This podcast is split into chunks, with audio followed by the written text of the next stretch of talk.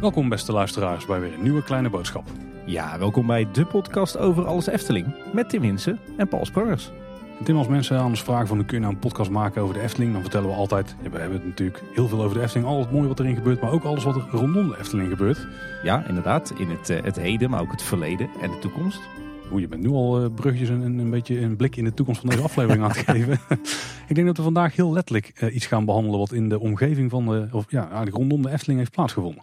Ja, nou ja, we gaan eigenlijk wat, eh, wat dieper in op een van onze, toch wel een van onze bingo woorden. Hè? Want de geoefende kleine boodschapluisteraar, die kent natuurlijk het begrip horst heel goed. Hè?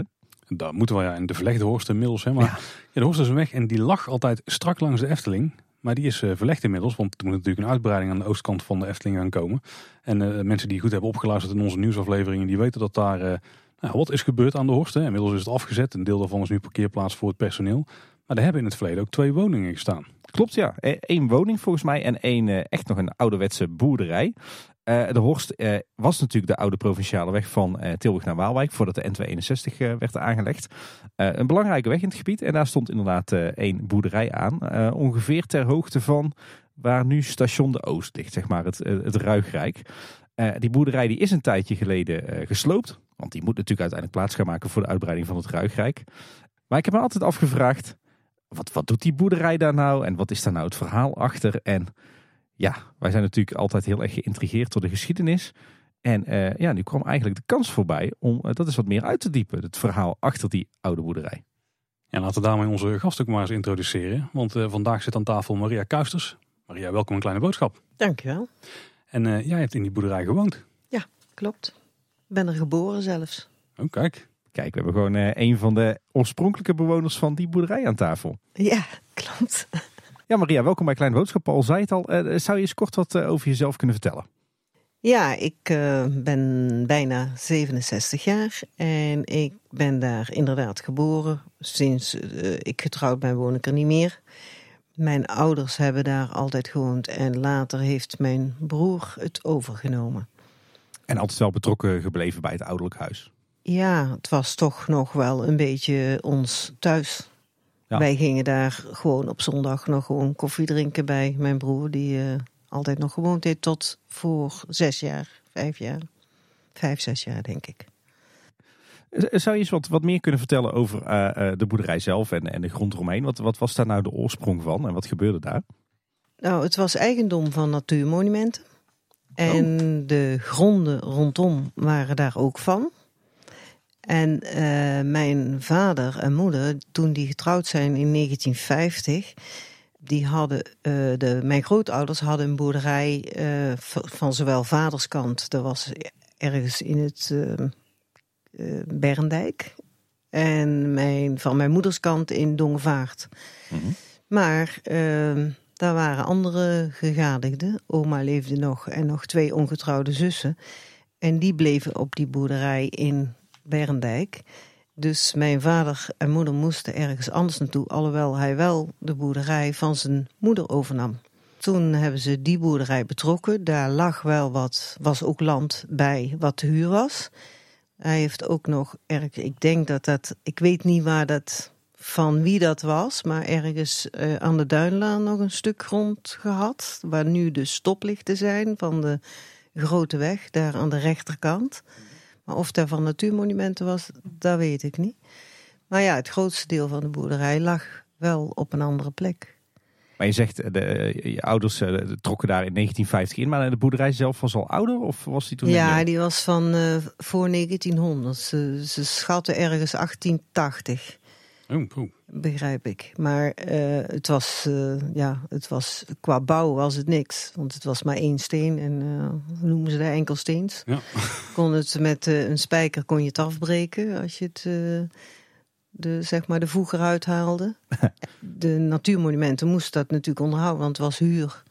Maar dat, dat was eigenlijk, ja, later hebben we een douche gekregen, was al heel wat. En het dak is nog een keer opgeknapt. Maar verder is er eh, weinig aan gedaan, al die jaren. En is het al die jaren ook van natuurmonumenten gebleven? Tot, ehm, Ergens, eh, even denken, ja, ergens in de jaren ne- eh, 80 eh, is het eh, eh, verkocht door Natuurmonumenten. En toen heeft, was mijn vader de eerste gegadigde dan, of ja, die het eerste recht van koop had. En eh, die heeft het, toen was hij al gepensioneerd, maar eh, die heeft het toen binnen drie maanden, was de voordelig geloof ik, aan mijn broer verkocht, eh, de jongste. En die, eh, dat was meer een hobbyboer en die wilde daar ook wonen. Ik had niet de indruk dat er anderen van ons daar wilden wonen. Ik in ieder geval niet. Kijk. Maar, maar de, de boerderij die stamt eh, ongeveer uit 1880, eh, eh, vertelde je. Maar Natuurmonumenten die bestaat zo lang nog niet. Volgens mij is dat pas in het begin van de 20e eeuw opgericht. En de Loons en Drunense Duinen zijn ook nog niet zo oud. Dus voordat het van Natuurmonumenten was, was het dan van een zelfstandige boer, neem ik aan. Geen idee. Daar heb ik geen idee. Heb ik ook nooit gehoord dat dat zo is. Maar misschien is er een andere vereniging van tevoren geweest. Waar een natuurmonument in op is gegaan of zo. Ik weet niet of die bossen niet bestonden, dat weet ik niet. Nou ja, de Loons en Drunense Duinen zullen al wel hebben bestaan, maar waarschijnlijk nog niet in, eh, in eigendom van Natuurmonumenten. Eh, maar goed, daar, eh, daar duiken we dan een Ja. andere keer in. Interessant. Je vertelde net dat de boerderij eigenlijk constructief niet zoveel voorstelde. Hè? Een enkel steens wandje. Maar hoe, hoe zag de boerderij eruit? Hoe was die, die ingedeeld? En wat, wat lag er allemaal omheen? Ehm, de indeling eh, was eh, een, eh, een woonkamertje en een keuken waar wel in gegeten kon worden. Een opkamer en boven één zolder. En daar zijn door later zijn daar een aantal of twee slaapkamers gemaakt. Eén voor de jongens en één voor de meisjes. En vanaf de keuken kwam je op de stal. En dan stonden daar op twee meter afstand stonden de koeien. eh, met hun koppen zo eh, in de stal eh, palen. En eh, dan kwam er daarna kwam er een schuurvloer en een opslag voor hooi en zo. En dan daar was nog een stal ingeknutseld voor wat kalveren en paard. En wa- wat was de grote boerderij? Hoeveel, hoeveel koeien pasten erin? Het was niet groot. Het was, eh, wij hadden denk ik elf of twaalf eh, koeien. Ja, ja, dus dat was echt meer een eh, naar hedendaagse maatstaven een, een hobbyboerderij, zeg maar. Ja, maar toen kon je er de kost mee verdienen. Zij het dat het dan ook gemengd bedrijf noemden ze dat toen. Je had akkerbouwers en eh, veehouders, maar je had ook gemengd bedrijf. Dus ze- op die gronden daar werd ook graan verbouwd en er werd verkocht. En zulke soort dingen. En, en bieten en, en dat soort dingen. En dat zijn zeg maar de gronden die eh, in de toekomst straks onderdeel worden van de Efteling. Eh, nee, want rondom huis eh, was vaak weiland, omdat dan de koeien thuis kwamen lopen. En één akker, en daar ligt nou ongeveer die verlegde horst, ligt daar. Ja. Dat was een landbouwgrond. Daar hadden ze dan eh, hadden ze wel wat opgeteeld, zeg maar. Maar de rest was meer weiland, omdat als het makkelijk was als de koeien vanaf Berendijk naar huis kwamen, dat ze gewoon daar rondom huis konden lopen. En ik ben mij te herinneren dat er in ieder geval de, de laatste jaren dat er ook twee paardenkoppen aan het, eh, aan het huis hingen. Twee stenen of betonnen Ja, paardenhoofden. ja. ik neem aan dat dat er origineel nog niet op zat. nee, dat was, een, eh, eh, dat was toen het al verkocht was. Dus eh, die man die eh, had blijkbaar eh, als paardenhobby. Ah, kijk, maar dan... Ja, dat, Dat, is de- niet van ons. Nee, dat is van de tijd dat, dat Ja. de familie Kuisters er al uit is. Ja, ja. Nou, la- laten we dan terug naar, naar, naar jouw tijd gaan, naar je, je kinderjaren. Want je vertelde net, je bent eh, eh, 67, dus ik, als ik snel tel, dan ben je geboren in de jaren 50. 55. ja. Kijk, een aantal jaar na de opening van de Efteling. Ehm, hoe was het, het leven op die boerderij in de jaren 50? Nou, wij wisten van het bestaan van de Efteling niet echt af. Want bij ons aan de overkant, daar was gewoon landbouw. De, de buren, zeg maar, die, die, daar was ook een boerderij naast het Efteling Hotel. Later is dat een, eh, een eh, ja, hoe noemen ze dat, villa of landhuis is dat erop gebouwd. Maar dat was ook een boerderij. En die mensen die hadden bij ons aan de overkant hun land. En daar was de ingang van het zwembad later. Maar eh, in eerste instantie merkten wij daar weinig van. Want het was een speeltuin en de tennisvelden lagen er en de voetbalvelden lagen er. Dus, en de hockeyvelden. Dus alles was, het was eigenlijk sportpark ook daar. In, in die konterijen waar nou de Python en zo staat. Daar lag het zwembad een beetje. Ja, want even voor onze luisteraars. Hè. De, de, de, meeste luisteraars zullen het kennen als het gebied zeg maar, tussen de N261, de, de, de autoweg tussen Tilburg en Waalwijk en Efteling. Maar in, in uh, jouw kinderjaren was die N261 natuurlijk nee. helemaal niet. Dus je had de Horst, de oude weg zeg maar, tussen Tilburg en Waalwijk. En aan de ene kant lag de Efteling en aan de andere kant lag jullie boerderij. Ja, en daarachter was het gewoon uh, de Longs en Drunse duinen, zeg maar. Ja, ja, want die landbouwgronden die liepen eigenlijk geleidelijk over in het natuurgebied dan. Uh, ja, je ziet gewoon de scheiding nog, want daar staan nog gewoon bomen. Aan de Horst daar, daar staat aan de linkerkant, of als je van Loon op Zand komt althans, dan staan aan de linkerkant staan die bossen nog. En die, dat was de scheidslijn, die bossen. Ah, oké, dus er is een stukje van het natuurgebied is afgesnoept voor de Midden-Brabantweg. Ja, ja, ja, ja, midden door, eigenlijk door de rand van, uh, van de bossen. Ja, ja oké. Ja. Zou je er nu niks meer uh, van kunnen voorstellen? Nee, maar dat is toch pas in de jaren tachtig. Ja, zo, uh, zo recent is dat eigenlijk. ja, ja, ja, 89 volgens mij ja. is die weg gebouwd. Betekent wel dat jullie dus eigenlijk aan een hele drukke weg woonden? Ja. Was constant, in, toen ging de Efteling, die ging steeds verder. Er kwam uh, het, uh, met name in eerste instantie dat sprookje van uh, koningin Fabiola, de, Indische waterlelies. Dat trok heel veel Belgische mensen. Maar ja, die kwamen vanaf Tilburg-Noord, Toorloon op Zand, zo ehm, langs ons thuis. En zo gingen ze het parkeertrein van de Efteling op. En vanaf Waalwijk kwamen ze door de Bezooise straat. En ja, gewoon die wegen stond. en op laatst was dat, was dat de hele dag file was nooit autovrij. Dus een Bezooise straat, ik weet niet of je die straat kent, Tim? Nee. Nou, er kunnen nog niet zo heel veel auto's erin. staan maar toen hadden de, hadden de mensen zelf nog geen auto's waarschijnlijk ja, klopt, daar ja. in de Bezooise straat. Maar nog even terug, terug naar de kinderjaren. Er wordt ons wel eens verteld uh, van uh, Efteling was vroeger ook een, een eigen buurtschap. Hè? Zelfs nog voordat het, uh, het, het was. met een tram die er vroeger liep. Met een, een, een café waar tol werd geheven. in jouw kinderjaren was er toen eigenlijk ook nog zoiets als een soort van buurtschapje daar te vinden? Nee, er was, de tram was al lang opgeheven. En het café, café de Efteling nu, dat was café Vugs. En die, uh, uh, daar waren onze buren en daar kwamen wij wel eens. Daar gingen we de krant brengen, sigaren halen en uh, drank halen als er een verjaardag was. En aan de andere kant was dan waar die villa stond. En dan kreeg je weer even niks. En dat was eigenlijk waar Tom Pols zit. Daar waren ook wat huisjes. Er staan er nog twee van. En waar de benzinepomp op stond, daar stond ook een huis op. Want de hele prinsessenbuurt en zo was natuurlijk ook nog niet. Nee, daar aan de overkant bij Tom Pols, stonden uh, noodwoningen. Er waren van die uh, witte, witte vierkante huisjes met rieten kappen. In, uh, overal in Nederland zijn die gebouwd. En die stonden in Kaatsheuvel aan de Horst. En uiteindelijk zijn er de laatste drie of vier, weet ik het, die zijn afgebroken aan de kant van Loon op Zand. En toen is de Europaweg doorgetrokken.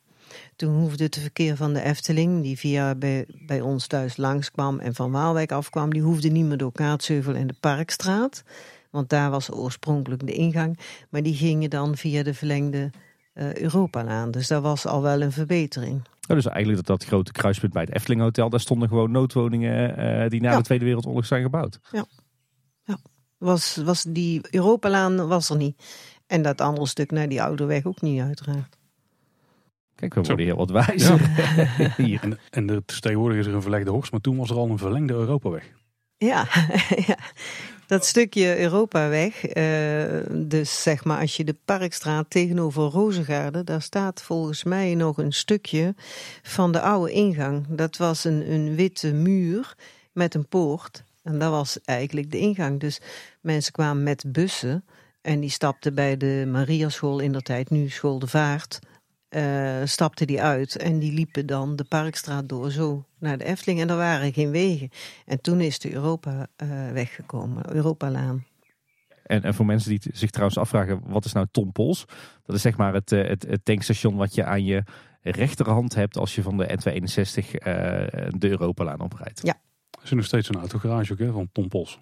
Maar je had ook in de jaren 50 in het gebied niet meer echt restanten die nog herinnerden aan dat, dat oude buurtschap wat er ooit in de buurt van Efteling lag. Nee. Nee. toen wij klein waren. Toen stond er in de Eftelingse straat, ter hoogte van het sprookje van Duizend en één Nacht. Daar stond een huis en er was een manege bij. En dat was van Gabriels, was daar dan de beheerder. En die kinderen zaten ook bij ons op school, maar die kwamen door de Efteling naar school.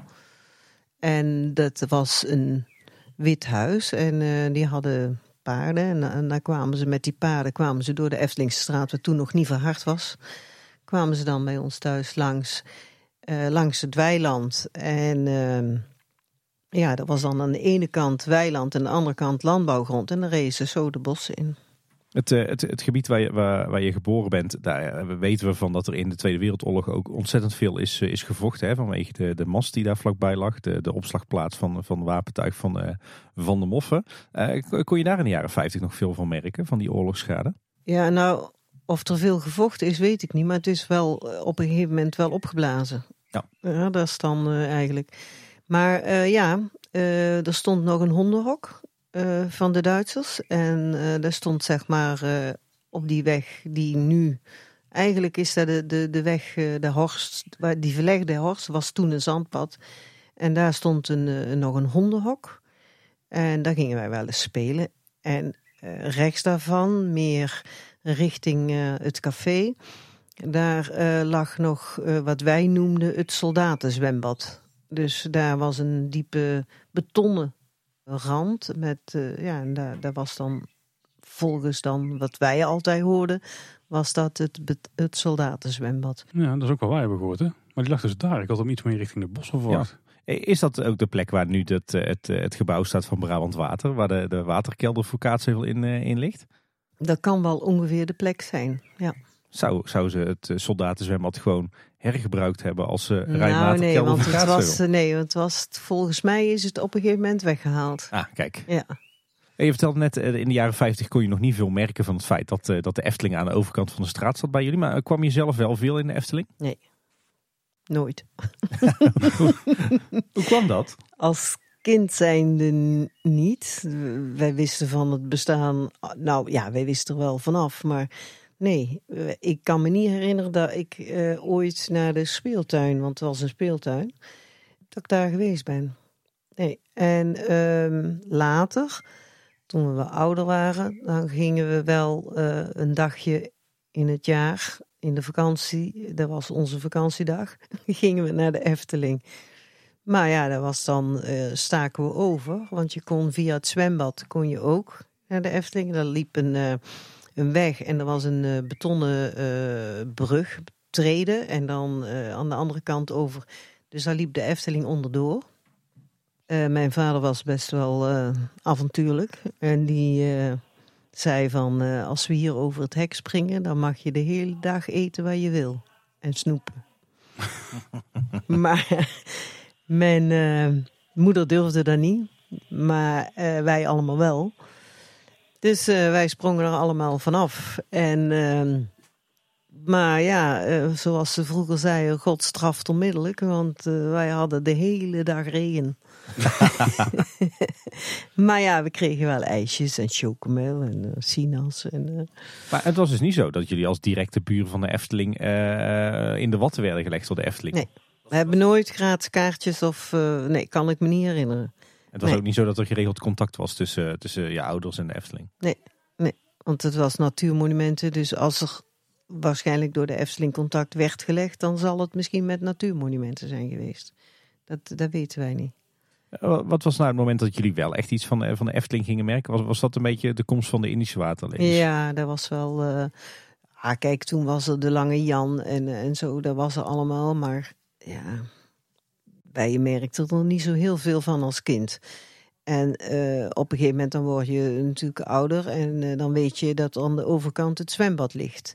Maar daar lag een akker voor in eerste instantie. Dus de, de, ja, je zag het ook niet.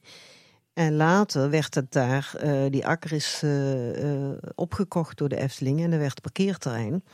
En toen werd het ook, zeg maar, een ingang Noord is daar een tijd geweest.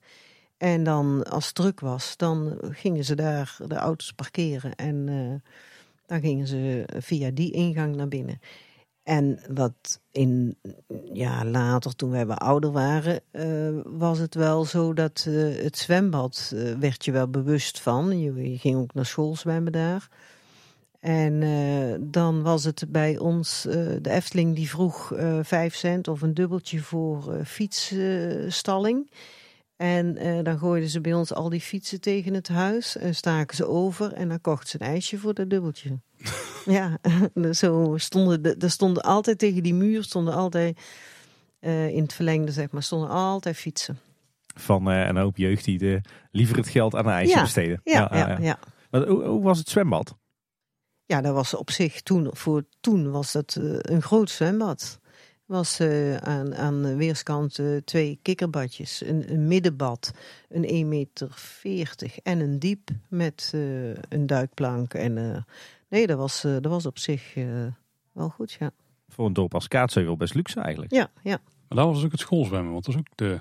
Ja, ja daar was ook het schoolzwemmen en dan... was het wel eens dat, het was natuurlijk niet verwarmd. En ja, stel dat je morgen vroeg moet gaan zwemmen, dan heb je een jas aan. Als je op de fiets daar naartoe moet. En uh, ja, dan ging je toch in het badpakje, stond je, stond je daarbij dat zwemmen. We hadden ze slecht nog niet in. nee, precies. Ik vind het trouwens wel interessant wat je net zei. Want je had het net over die, die akker die pas later door de Efteling is opgekocht. Uh, wij, wij hebben ons dat altijd afgevraagd. Maar uh, er was dus inderdaad een grote akker die, die heel lang uh, geen onderdeel heeft uitgemaakt van de Efteling. Dat is dan waar nu ongeveer de, de oude Tuffer ligt en het schommelschip en, en, en de ja. Python. Ja. En dat heeft dus nog heel lang geduurd voordat het echt aan de Efteling werd toegevoegd. Ja, ja, ja, ja. Ja, eigenlijk het hele gebied. Want uh, uh, als je de Eftelingse straat inrijdt, waar Villa Pedouse en alles uh, staat, waar, waar allemaal akkergronden. En ja, de Efteling heeft op een gegeven moment ook in, dat is nou inmiddels afgebroken. Ik weet dat het gebouwd is en dus ook afgebroken is. Aan, meteen aan de Eftelingse straat, aan de linkerkant, stond een grote villa. En die is gebouwd uh, door de Efteling uh, voor de oud-burgemeester van der Heide. En die heeft daar jarenlang ingewoond. En uh, later nog een een of andere specialist uit het ziekenhuis of zo. En dat is nu ook weer afgebroken. Want dat, ja, daar gaan ze toch iets weer mee doen voor de Efteling zelf. Ja, ja er staat een bestemmingsplan in. Ja, ja inderdaad. Ja. De, er wonen natuurlijk heel veel mensen nog steeds in de buurt van de Efteling. Um, de Efteling is natuurlijk wel veel veranderd in de, loop der jaren. En een van de dingen die hier in Kaatsheuvel natuurlijk... en uiteindelijk ook trouwens in de landelijke media vrij veel speelt... is uh, ja, de, met name dan de lasten die mensen ondervinden van, uh, van het park. Maar hoe ervaren jullie dat als mensen die er toen langs wonen? Waren het vooral lasten of waren, zaten er ook wel voordelen aan dat de Efteling in de buurt was? Nou, nou wij hadden eigenlijk, ja, je accepteerde wat er was. De, de, de protesten en zo, dat is allemaal van uh, latere jaren. Je deed het, kijk, en dat die weg constant vol stond. Ja, dat was zo. Er was geen, daar dacht je niet bij na. En ja, uh, wat, er wel uh, speelde was bijvoorbeeld aan de Eftelingse straat aan de hoek. Daar hadden ze dan wel. Uh, op de hoek, daar stond altijd een ijskoboer. En ja, die werd op een gegeven moment, werd, ja, zeg maar in samenwerking gemeente Efteling, werd dan een beetje, die moest daar weg. Die kreeg daar niet meer de vergunning om daar te gaan staan. En, en dat zijn wel dingen van waar je denkt, nou zo'n Efteling die dan één ijsje of twee ijsjes minder verkocht. Ja. Ja, dat was dan uh, ja, een beetje raar. Ja, als geboren had moeten combineren, dat kon je echt een ijsje en dan kon je ook je fiets aan stal. ja. ja, maar dat was van de Efteling. Ja. maar en, en, hoe zat het dan met het, het café? Want het café was, was natuurlijk ook niet van de Efteling zelf. Dat nee. was van, een, uh, van de familie Vugtstan. Nou, die pachten het ook. Hè. Het was ook van uh, Natuurmonumenten. Oh, Kijk, we, we leren hier oh, met een minuut ja. weer nieuwe dingen, ja. Paul. Maar uh, die werd dan niet gezien als concurrentie van de Efteling, of dat werd gedoogd? Ja, was toch meer een. Uh, daar gingen mensen gingen niet uh, dan stoppen om daar iets te drinken. Dat café was meer een, ja, een buurtcafé. En daar ging men vanuit Kaatsheuvel biljarten. En dat trok wel wat fietsers en wandelaars, maar niet direct Efteling mensen. Want ja, als je daar bent, ben je bijna in de Efteling. En, en als je vertrekt, ja, dan heb je net alles in de Efteling gedaan. Dus nee, dat was niet zo, uh, nee. En even voor de tijdlijn. In de tijd dat jij daar dus uh, bent, van bent wegverhuisd, zeg maar, omdat je uh, getrouwd was. Toen waren er nog geen grote ontwikkelingen buiten de parkeerplaats die daar was gekomen. Want die kwamen pas later natuurlijk met de komst van de Python. En dat was al begin jaren tachtig. Nou, de parkeertrein aan de overkant, daar was er al. Ja, die was al met de Python. En die was, al, die was ook alweer weg. Want zo lang is dat niet geweest. Dat die, uh, de parkeertrein aan de ingang Oost, daar is later eerst die Python gekomen. En uh, die stond er al, die waren ze aan het bouwen ergens begin tachtiger jaren. Want ik weet, in de, de dagen dat mijn moeder gestorven is, waren ze aan het testen. En dat is de, eigenlijk de enige keer dat wij eens gebeld hebben van kan er niet ophouden. Dus dat is, dat is verder, uh, zo die tijd is daar wel. Maar toen was volgens mij dat parkeertrein al wel weg. Ja, want uh, tot wanneer heb je, heb je op de boerderij gewoond zelf? Tot 1980. Kijk, dus je hebt uh, de, de, de bouw van het, het spookslot en, en nou ja, vooral ja. natuurlijk de bouw van de Python. Heb je dan echt wel ja. ontzettend meegekregen op die ja. plek? Ja. Hoe, hoe was dat om, om uh, naast uh, zo'n beetje de, de eerste stalen achtbaan van Europa te wonen ineens? Ja, maar wij niet zo bij stilgestaan. nee. Oh, de, het zwembad, het zwembad, daar hoorde je, ja, de, de, de, de Python hoorde je natuurlijk ook. Maar het zwembad, eh, daar hadden ze luidsprekers. En daar ging de hele dag van niet op het hek klimmen. van dat hek af, niet op het hek klimmen. Dus daar hoorde, die luidsprekers, die hoorde je. Want er was dan verder weinig tegen. Ja. En bij die, bij die Python, daar is uh, een, een geluidswal gekomen toen. Toen de schipschommel en zo gebouwd is. Mhm. Mm -hmm. Is daar aan de overkant een uh, geluidswal gekomen. Dus dat is niet, nee, dat is niet zo... Uh, wij hebben het niet als vervelend ervaren, volgens mij. Maar wel een drukte van belang, kan ik me voorstellen, ja. tijdens die bouwwerkzaamheden. Ja, maar dat ging via de Eftelingse straat. Ah, oké. Okay. Ja, dat, dat was al, toen al via de Eftelingse straat. Dus al die aanvoerders gedaan eigenlijk vanaf de andere kant van het park ten opzichte van jullie? Dat is oh, nu nog vaak hoor. De, daar is een ingang uh, ook uh, net voor Perdoes. Want ik dacht namelijk, Tim, dat jij ging vragen van... hoe was het om de opbouw van zo'n baan van dichtbij mee te maken? Want dat moet toch een beetje onze ja, gezamenlijke natte droom zijn, denk ik? ja, ik denk het wel, ja. nee, nee, daar hebben wij weinig van meegekregen, want er stonden grote bomen. Ja, die stonden er al toen. Ja, die stonden al. Dus dat, was, dat was toen de fietsenstalling onder die bomen. Ja, het veldje wat naast de Python ligt. Ja. ja. Weer wat geleerd, Paul. Dat kan ik ook niet meer herinneren. nee, dat kan jij niet herinneren, nee. Ja, het zwembad misschien al niet meer. Ja, niet in de vorm zoals hij er toen was. Wel uh, later nog een keer, ja. Ja, het zwembad heeft er tot 1989 uh, gelegen, Paul. Jij bent ietsje, jong, oh, ietsje ouder dan ik. Dus... Ik sta dus ook op die foto, die bekende, van het zwembad, blijkbaar. Met mijn rug naar de camera toe. Dus het is niet echt een uh, moment of fame. Maar... ja, ja. Maar uh, Maria, je vertrok dus in 1980 uh, van de boerderij. Uh, maar je broer is er al die tijd blijven wonen. kwam je nog veel op de boerderij daarna? Ja. Wij hebben dat, mijn vader heeft, die is pas in 2003 overleden. Dus wij kwamen daar gewoon nog altijd. Ik liep er altijd met de kinderwagen gewoon naartoe. En ehm, ja, later, toen mijn vader gestorven is, toen heeft mijn eerst heeft mijn broer toen hij ging samenwonen het achterste gedeelte verbouwd. En toen mijn vader overleden was, heeft hij het voorste gedeelte aangepast. En ja, wij bleven daar gewoon op zondagochtend. Als normaal gesproken gingen we daar eigenlijk naartoe. Het, ja. Naar het ouderlijk huis eigenlijk? Ja, naar ja. het ouderlijk huis, ja. Ook al was het nieuw. Ja, ik kan me voorstellen dat er uh, na begin jaren tachtig wel het, het nodige veranderde aan het, het wonen in die boerderij. Als je ziet hoe de Efteling zich sindsdien, sindsdien heeft ontwikkeld. Ja, alleen heb ik er weinig van meegekregen. En ik woonde op de heikant, plan de heikant, waar we nou ook ongeveer wonen, waar, waar, zeg maar. En dan woon je aan de andere ingang. Ja. En daar hadden wij meer last van, van parkeerders. En uh, de ingang die, uh, als je de Europalaan op wil draaien, dan zit iedere zondagochtend zit dat ding verstopt. Dus meer last als dat wij thuis hadden. Bij, bij, zeg maar bij de boerderij. Maar even los van de overlast. Je, je kon, uh, zeker je broer, maar je, jij ook, omdat jullie natuurlijk iedere week nog kwamen. je, je, je zag wel de Efteling van een, eh, een redelijk eh, lokaal, regionaal sprookjespark en eh, een internationaal eh, pretpark geworden in de loop der jaren. Ja. En het, Ja. wa- het was toch jullie buurman. Ja, maar eh, zij, zij beschouwden ons niet als buren, denk ik. Want we hebben ze nooit gezien. Er werden bijvoorbeeld een, eh, waren van die zomeravonden. En dan eh, kreeg eh, half Kaatsheuvel kreeg een bos bloemen. eh, en bij ons thuis nooit. Misschien, En, eh, misschien wij te weinig geklaagd dan. Ja, misschien. Misschien. Dus nee, nee, dat hebben we nooit gehad. Nee. Ik stel me helemaal voor dat jullie dan op zondagochtend daar met z'n allen op een mooie zomerse dag verzamelden.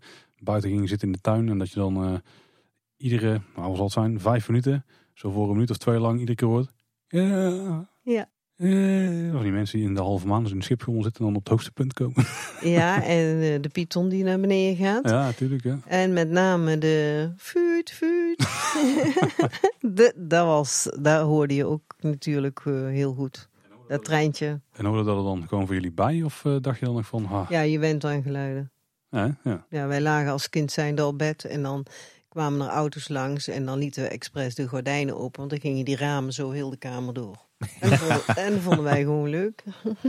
Eigenlijk zijn jullie gewoon de, de ideale buren voor de Efteling. In plaats van al die, al die klagende buurtbewoners de afgelopen Ja. tien jaar rond het bestemmingsplan. eh, zeiden jullie gewoon, Ja. ach het, is zo en het hoort erbij. Ja, alleen, ja goed, het is natuurlijk in een opbouwende eh, fase gegaan. Hè? Je had eh, vroeger nog wel eens een, een, een verdwaalde Belg die dan bij ons het erf opreed en daar ging zitten picknicken. En dat vonden wij, ja, dat vonden wij eigenlijk wel prachtig. Ja. Maar, eh, ja, ja, en die ging zitten picknicken. Ja, die dachten dat is openbare weg of zo. En, eh, maar verder, ja. Nee, dat, dat ging gewoon door. En eh, wat, wat later natuurlijk, dan had je met de drukte dat met paard en wagen of met de tractor met een wagen naar huis moesten. Dat dat wel eens vervelend was natuurlijk. Maar Maar dat zal veranderd zijn met de komst van de Midden-Brabantweg. eh, waar, waar ik me ook kan voorstellen dat dat ook best wel een, eh, een heftig ding was. Want er ligt in één keer een snelweg bijna in je achtertuin. ja, er werd verder, eh, is verder ook nooit iemand gekomen dat die weg wel eens overlast zou kunnen geven of zo. Nee. Wel, wel he- dat, ja, dat is allemaal heel apart, ja. Ja. Wel dat, ehm, Zouden ze dat dan misschien steeds bij natuurmonumenten hebben aangegeven? Dat daar ook het bosje bloemen heen ging of zo? Ja, ja, ja, ja.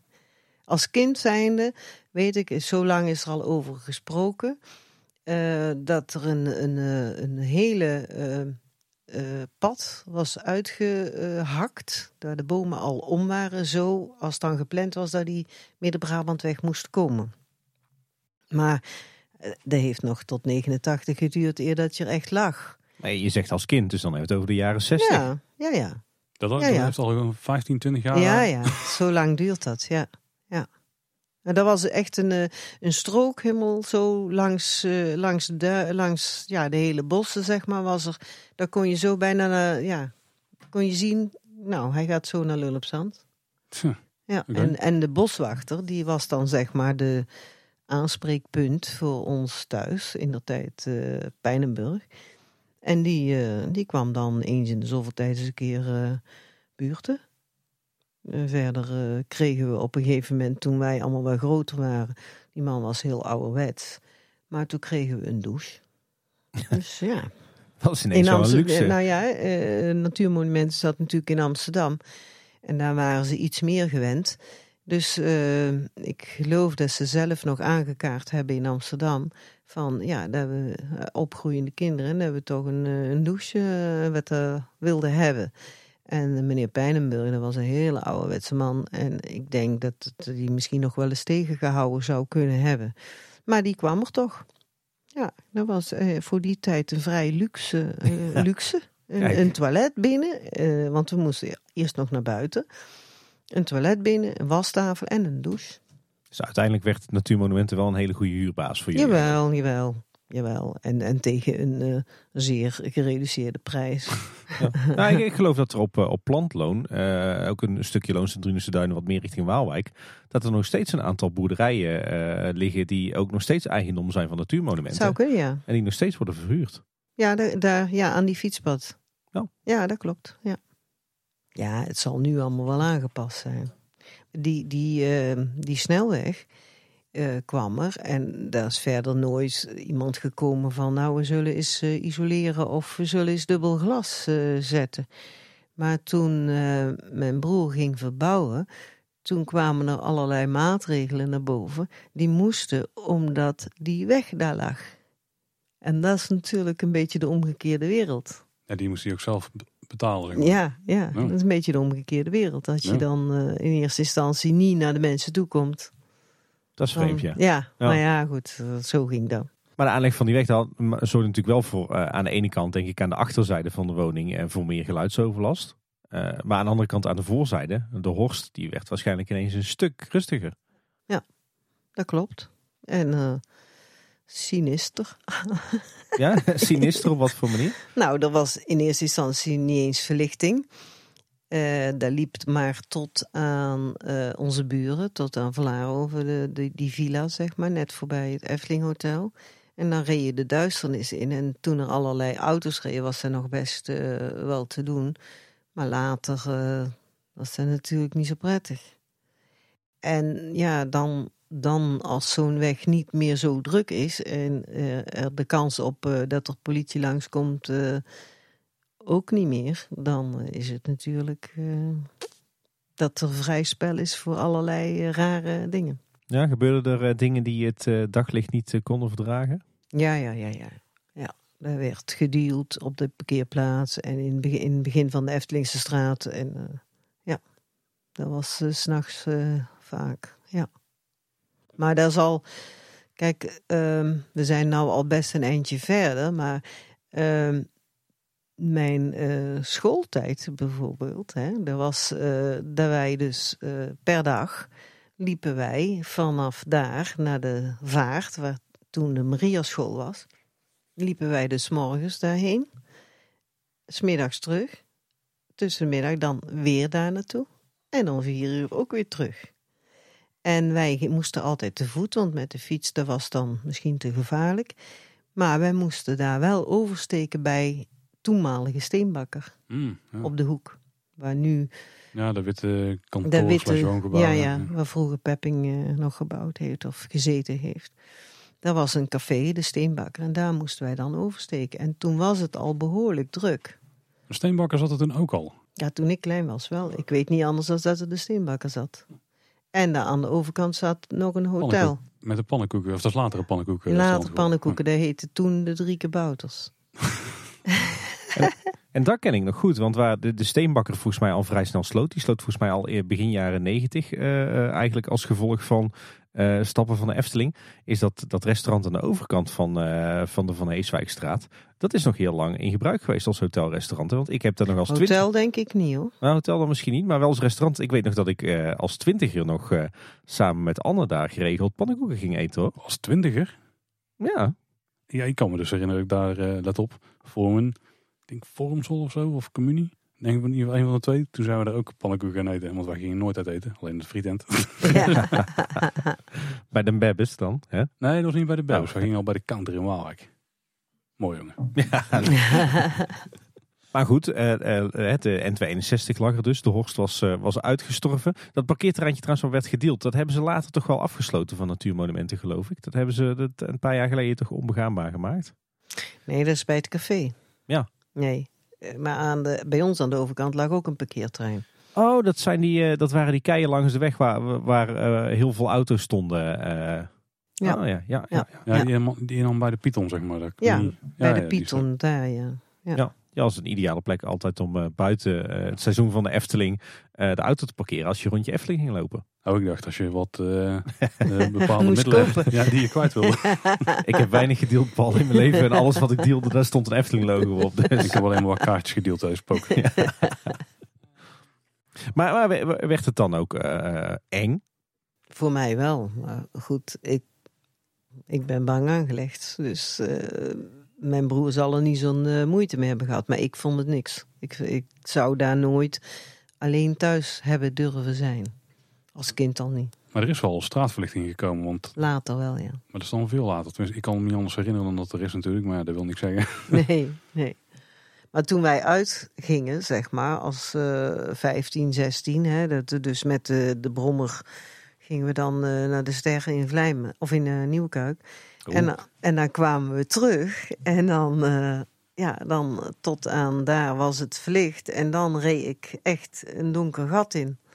En dat was dan om 11 uur s'avonds. En ik, ik was gewoon bang. Maar ja, goed. eh, ik moest toch ook. eh, de wil om uit te gaan was sterker dan als ik terugkwam.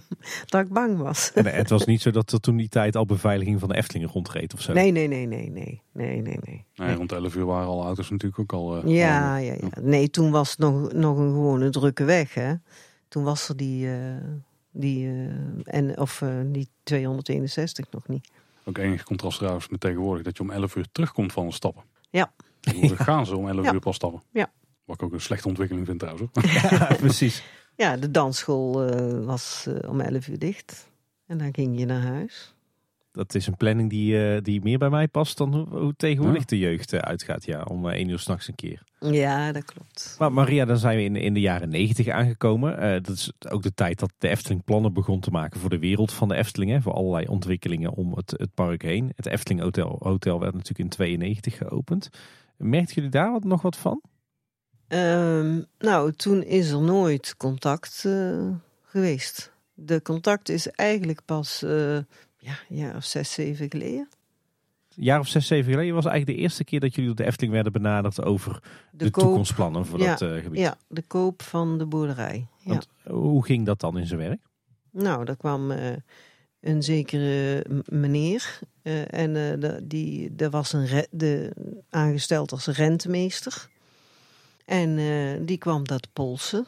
En nou, dat, ja, je kunt daar lang tegenhouden misschien, maar op een gegeven moment houdt het op. En hij kon toen, denk ik, een goede prijs krijgen en is toen gaan zoeken. Heeft er daarna nog een paar jaar gewoond. Twee jaar, denk ik, of anderhalf. En toen had hij een ander huis gevonden en eh, toen is hij gegaan. Maar hij mocht van de Efteling, eh, heeft hij daar, ehm, dus voor niets mocht hij daar blijven zitten. Want dan hadden ze het meteen eh, een goed onderhoud en dan was het bewaakt. Als ze het moeten onderhouden en ze verhuren het, dan kost het gewoon veel meer geld als dat Ja. het nu voor niks. eh, dus dat heeft hij toen kunnen huren of eh, ja, mogen gebruiken. En toen is hij na anderhalf jaar, twee jaar, denk ik, eh, naar Loon op Zand verhuisd. Kijk, ja, dus je zou kunnen zeggen, de Efteling heeft zeven jaar gele- geleden eigenlijk vrij snel de boerderij en de gronden eromheen op kunnen kopen. Je broer is daar nog anderhalf jaar gratis kunnen blijven wonen. Dat was waarschijnlijk een voorwaarde die, die ze hadden bedongen. En daarna is hij weggegaan en ja, stond de boerderij leeg. Toen hebben ze het verhuurd. Mijn broer had nog eh, de schuur. Die heeft hij nog een tijdje gehad. Daar ging die huurder mee akkoord. Die had hij niet nodig. Maar eh, binnen een half jaar eh, zat er een wietkwekerij in. Oh. Werd opgerold. En de hele, dus zeg maar, het huis was toen, de stal was, was een woning. Daar woonde eerst mijn broer dan en mijn vader nog voorin. Dus het, wa- het waren twee compartimenten met die grote schuurdeuren eh, in het midden. En eh, ja, alles eh, in die achterkant was, was helemaal dichtgemaakt. Daar zag je van buiten niks. Er was van dat folie tegen aangeplakt. En ja, dat was, men zei, de politie zei, twee keer ongeveer geoogst. A, twee ton per keer. Dus Kijk, gewoon een, een goed draaiende wietkwekerij Ja. in een boerderij van de Efteling. En dat hij Ja. meteen een mooi stukje om eh, een Ja. mooi stukje afzetmarkt eh, net buiten het pand. ja, ja precies. De Ja, wonderen zijn de wereld nog niet uit, eh, zeggen En toen is er toch nog wel een, een, eh, een andere huurder gekomen. En eh, die heeft toen die paardenkoppen opgehangen, volgens mij. Die, eh, waar jullie het straks over hadden. Ja, die redelijk ook sinistere Ja. trouwens ja. ja. Nu is het zo dat, ze, dat de Efteling in de jaren 90 hadden ze dus, eh, wat Tim al net aanhaalde, plannen voor de wereld van de Efteling. En een van de plannen die daarbij ook opkwam wa- was een eh, verplaatsing van eh, wat ze het dienstencentrum noemen. Dat is een stukje wat eigenlijk tegen het Efteling, tegenover het Efteling Hotel ligt. Daar is de ingang in ieder geval met parkeerplaatsen en werkplaatsen en zo. Ja, ja. En er was een plan gemaakt om het hele dienstencentrum te verplaatsen eigenlijk naar de strook waar de, waar de boerderij ook Ja, lag van jullie. ja. Waren jullie daarvan op de hoogte toen? En, want Nou, daar lazen we in de krant, ja. dat zal even schrikken zijn ja, geweest. Nou ja, dan, als er niet, zolang er niemand aan de deur komt, uh, ja, daar werd verder niet mee gecommuniceerd, nee. Maar dat diensten zijn, dat zou inderdaad ook wel een, eh, een optie zijn geweest. Ook in verband met het parkeren en, en alles. Hè. Dat doen ze nu dan toch ook. Maar schijnbaar is dat niet. Wij hadden ook wel gedacht, uh, misschien nog een ijdele hoop gehad, dat het toen dat dienstencentrum er niet kwam, dat die boerderij als een onderdeel van de Efteling zou blijven bestaan. Want op zich uh, had het best gepast in een Efteling. Hadden ze wel aan kunnen passen of aan ja, iets kunnen veranderen. Dat dat wel in dat. Uh, een pannenkoekenhuis bijvoorbeeld. Ja, daar is er zelfs nog over gehad in. Ja, ja wij hebben, want, want toen wij begonnen met Kleine Boodschap, toen stond de boerderij er nog gewoon. Stond die wel leeg volgens mij. Maar die is pas, uh, toen wij volgens mij een jaar of twee jaar aan het podcast maken waren, is die uiteindelijk pas gesloopt. En volgens mij toen de verlegde horst, dat, ja, dat vlak voor, vlak voordat die verlegd werd. Ja. ja. Toen is het bouwterrein geworden. Ja, want er heeft dus uiteindelijk nog een andere huurder in gewoond. Toen, toen was twee, ja, twee, twee keer. Twee ja. keer zelfs. Heeft de boerderij uiteindelijk ook nog leeg gestaan voordat die werd gesloopt? Ik denk het wel. Maar ik moet zeggen dat me daar niet zo bij staat. Ik weet, ik, maar ik weet niet meer op welke, wanneer, in welk tijdsbestek dat dat was. Dat in, in ieder geval alle koperen waterleidingen eruit waren. Maar of dat nou voor de sloop was of tussen de huurders in, dat kan ik me eigenlijk niet meer herinneren. Uiteindelijk werd, werd de boerderij dus gesloopt door de Efteling. Hè, om ergens in de toekomst een keer plaats te gaan maken voor de uitbreidingsplannen van het park. Wat deed dat met jullie, de sloop van het ouderlijk huis? mij niet veel. We hebben echt heb... de, de, nuchterheid zelf aan tafel nee. vanavond. Maar mijn broer wel. Die had er wel, ja, die had wel even, ja, daar moeilijk mee. Maar de rest van mijn, mijn zus ook niet. En de andere twee volgens mij ook niet. Maar ja, hij had er altijd gewoond. En hij was de enige die enigszins hobbyboer was. En wat schapen had. En, uh, dus ja, die, die deed, die, toen het gesloopt werd, had hij ook uh, wel. maar hij, dat hij verhuisd is, geloof ik niet dat hij nou zo'n zo'n spijt van heeft. Want hij woont nu in een, in een echt een buurtschap. En daar is echt ja, hele leuke. Dat is ook allemaal vrijstaand en boeren dinges, maar ook allemaal met particulieren wel, maar wel een hele leuke buurtschap. En daar is hij gewoon uh, voort kunnen zetten wat hij deed. En zijn hobby's. En, nou, heeft hij in ieder geval een, denk ik, een, ja. een hele mooie bedrag van de Efteling gehad ja, voor de verkoop. Ja, ja, ja. ja. Waren jullie nog van op de hoogte gesteld dat het gesloopt ging worden? Nee. Nee, dat kan, nee, nee, ik denk mijn broer ook niet. Nee. In één keer was het weg. Efteling was ook consequent in de communicatie. Ja, ja, ja. ja, ja wel, uh, jawel, jawel, jawel. Zo inderdaad, ja. Maar goed, uh, kijk, als je het verkoopt, ben je niet meer de eigenaar. Dus je hebt ook niet, ja, ze hebben daar dan ook geen verplichting aan. Nee, nee, nee, dat is ook weer zo inderdaad. Ja, dat, uh, is nou in de loop der jaren, um, ook nadat je bent verhuisd en dat je zelf kinderen hebt gekregen en inmiddels ook kleinkinderen, de relatie met Efteling veranderd? Uh, nee, nee, ik ga er graag naartoe. Ik ga er met de kleinkinderen naartoe. En ik woon er nou uh, ongeveer uh, bij het busstation. dus ik, nee, ik vind het wel handig. En het is altijd leuk om er naartoe te gaan. Als kind kwam je er niet vaak, maar kom je er nu wel regelmatig? Nu wel, ja, ja. We hebben nu een kaart en dan gaan we met de kleinkinderen of wel zelf gewoon even koffie drinken of een borreltje of zo. Uh, wat was dan het omslagpunt van uh, we komen er nooit naar, we komen er uh, nou, vaak? Ik denk dat dat een kwestie was van, van geld. En, en, en het boerenleven. als het vakantie was, dan was het hooien. En uh, als het herfstvakantie was, dan moesten we de, de bieten uit het land of de knollen, weet ik het. Uh, moesten we, wij, uh, dat was een nadeel van daar wonen. Vrienden, vriendinnen met name, ja, die mochten niet naar ons toe komen alleen. Want dat was te ver. Ja. Dus wij waren redelijk uh, op onszelf met z'n vijven. De buren die hadden ehm, dat café en die kinderen die waren allemaal ouder. De, de jongste daar is nog ouder dan mijn oudste broer. Dus dat was ook verder geen contact. En aan de andere kant niet contact qua spelen. En uh, de andere kant ook niet. Die waren ook allemaal ouder. Die waren allemaal al een beetje getrouwd toen wij daar uh, de krant moesten gaan brengen. ja, die werd bij, uh, bij waar Tom Pols het uh, huis stond. Daar stond toen een oud huisje en daar werd de krant bezorgd. En wij liepen dan van school en dan gingen we daar binnen. Bij de buren binnen, bij ons de krant en bij het café moesten we het dan brengen. Nou ja, Krantenbezorgers deden het efficiënt. Zo ging dat. Ja.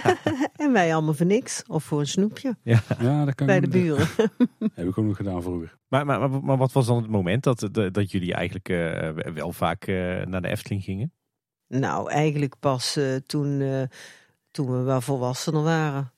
De, de, toen we zelf er naartoe konden. En dan gingen we toen naar die zomeravonden ik weet wel, toen Maarten geboren was, vlak nadien waren die zomeravonden, zijn wij daar met z'n tweeën geweest. Uh, ja, uh, zo. Maar niet, niet, niet uh, nee. En, en later, toen we ouder waren, de kinderen, hadden wij ook een kaart. En toen een tijdje niet, want ja, dan ging je nu toe en nou weer wel. Dus ja, dat, dat is niet, niet zozeer, ja, ik denk vroeger dat de mensen, ja, net, net als je nu er naartoe moet, is het ook duur. Ja. En ik denk dat dat vroeger ook wel was. Maar als ik het zo beluister... Met vijf kinderen. Ja, maar, maar als, ik het zo, als ik het zo beluister, denk ik... De, de eerste zomeravond, dat zal begin jaren negentig zijn geweest een beetje. Nee, nee, nee. nee, nee. Uh, dat was in uh, begin tachtig al. Wij zijn daar al... Toen Maarten geboren was, die is van 84. Dus toen waren ze al. Oh, kijk, ja, de, de voorlopers van de uiteindelijke uh, zomeravond. Ja, ja, ja. ja dat was het, en dan met vuurwerk...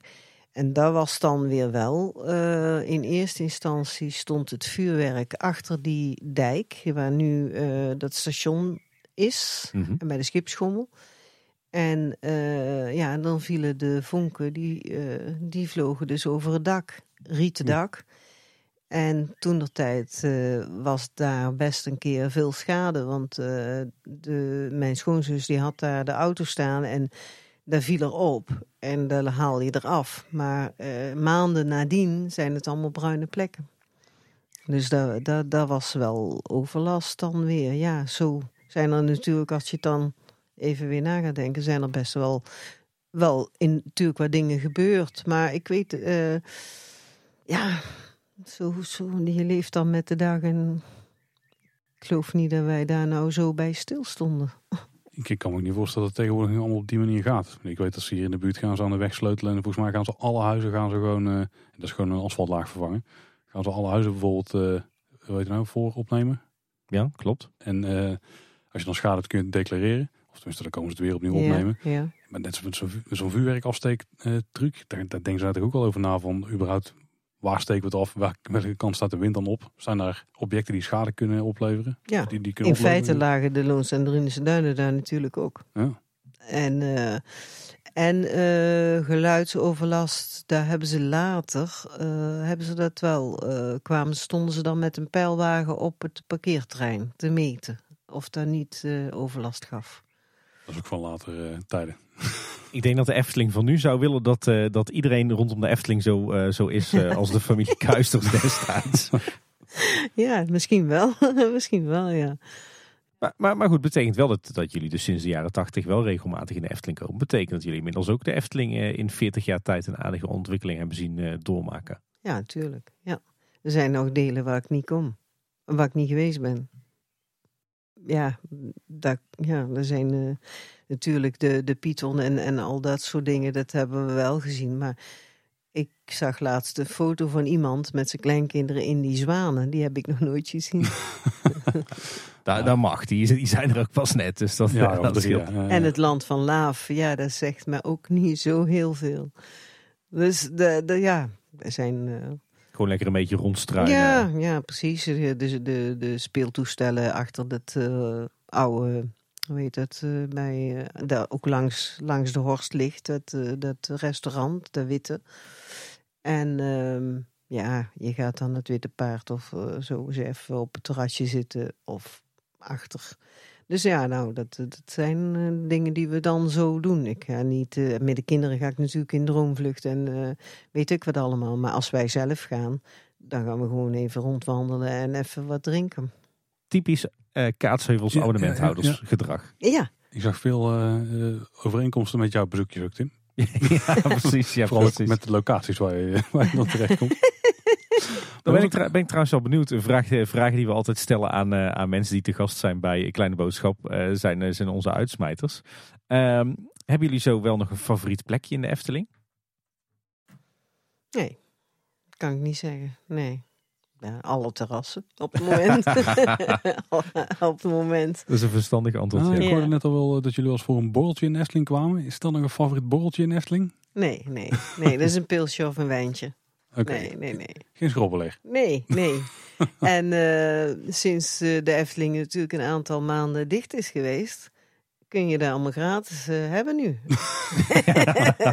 Zo voelt het wel. Ja, ja, precies. Eh, hebben, jullie wel een, hebben jullie wel nog eh, een, een, een favoriete attractie dat je zegt van nou daar, daar willen we dan wel in, ondanks dat het ons daar eigenlijk niet echt om te doen is?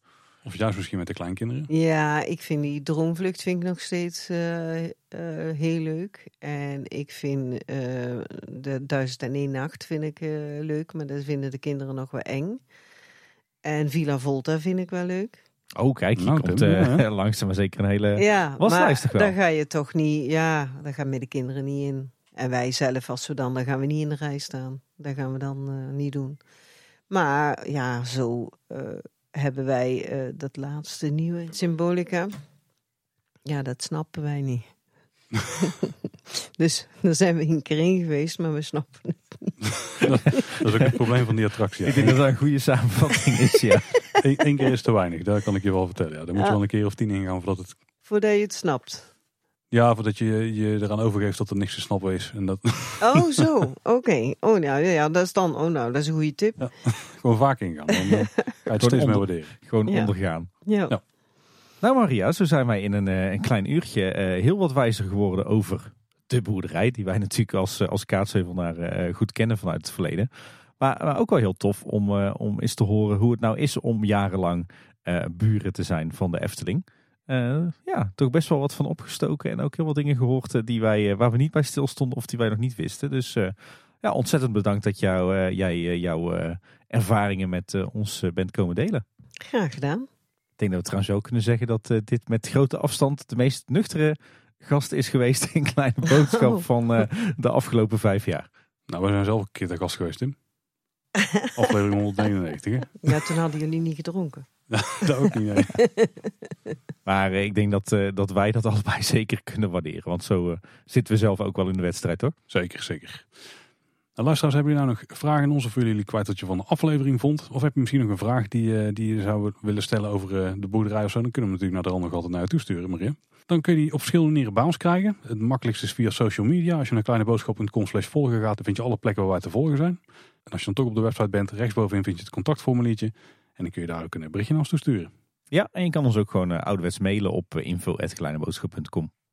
Alle afleveringen die kun je luisteren via de website of je favoriete podcast app. En beide afleveringen op de site, daar plaatsen we ook altijd uh, linkjes, show notes. Dus kijken dat we er een paar kunnen verzamelen, Tim, uh, over uh, de boerderij. Dat wordt lastig, denk ik. Maar we gaan eens kijken waar we op kunnen opduiken. Nou, ik denk wel aardig wat Eftepedia links. En we hebben ook nog twee afleveringen over de vroege geschiedenis van de Efteling. Waarin we ook een aantal keren deze omgeving aanhalen. En we hebben trouwens ook ooit nog zelf een, rondje gefietst door de wereld van de Efteling. En zijn we hier volgens mij ook langsgekomen. Dus uh, ja, we gaan ook even wat oude afleveringen ertussen zetten.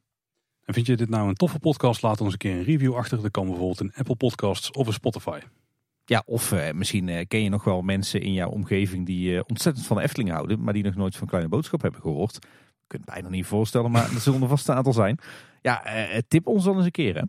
Ja, of misschien een paar locals uit Kaatsheuvel. Die kunnen deze aflevering ook wel waarderen, denk ik. Dat was in ieder geval weer voor deze keer. Bedankt voor het luisteren. Tot de volgende keer. En houdoe. Houdoe. Dag.